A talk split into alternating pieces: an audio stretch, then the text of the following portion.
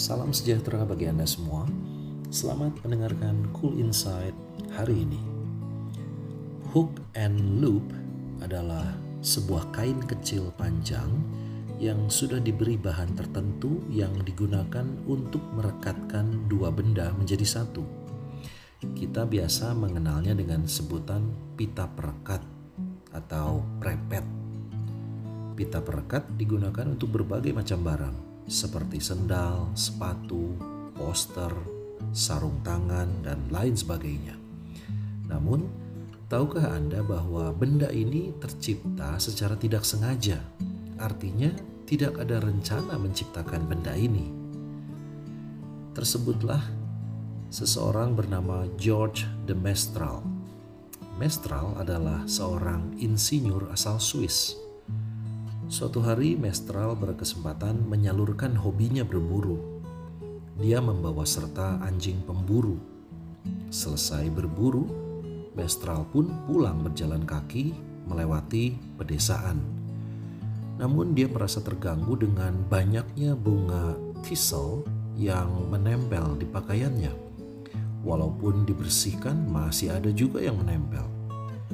Tiba-tiba muncul keinginan untuk menyelidikinya Mestral menemukan ada bagian dari bunga itu yang melengkung yang membuatnya bisa terkait kuat. Di sisi lain, ada serat-serat kain di pakaiannya yang memungkinkan bagian bunga itu tersangkut. Dari sinilah muncul ide membuat pita perekat.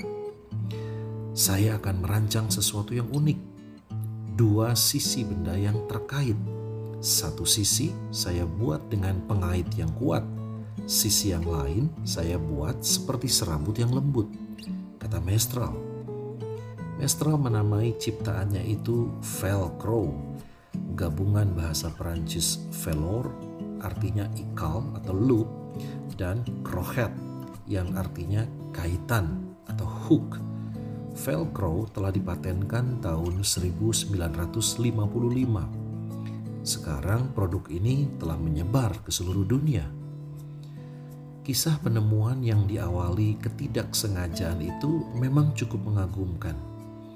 Tapi itu seharusnya mengajarkan kita bahwa kita harus kreatif dan berusaha menemukan ide baru untuk kehidupan yang lebih baik. Kepada Adam, Tuhan memerintahkan untuk mengusahakan dan memelihara Taman Eden bukan untuk sekedar mengaguminya. Tuhan juga mengharapkan Adam menamai binatang-binatang yang dibawa Tuhan kepadanya. Kita tahu bukan kisah awal mula penciptaan di dalam Alkitab tersebut? Sekarang, mari kita berpikir lebih keras untuk menemukan ide-ide baru dari setiap kejadian yang kita alami dan mewujudkannya demi kemajuan kita sendiri. Semoga terinspirasi. Selamat beristirahat.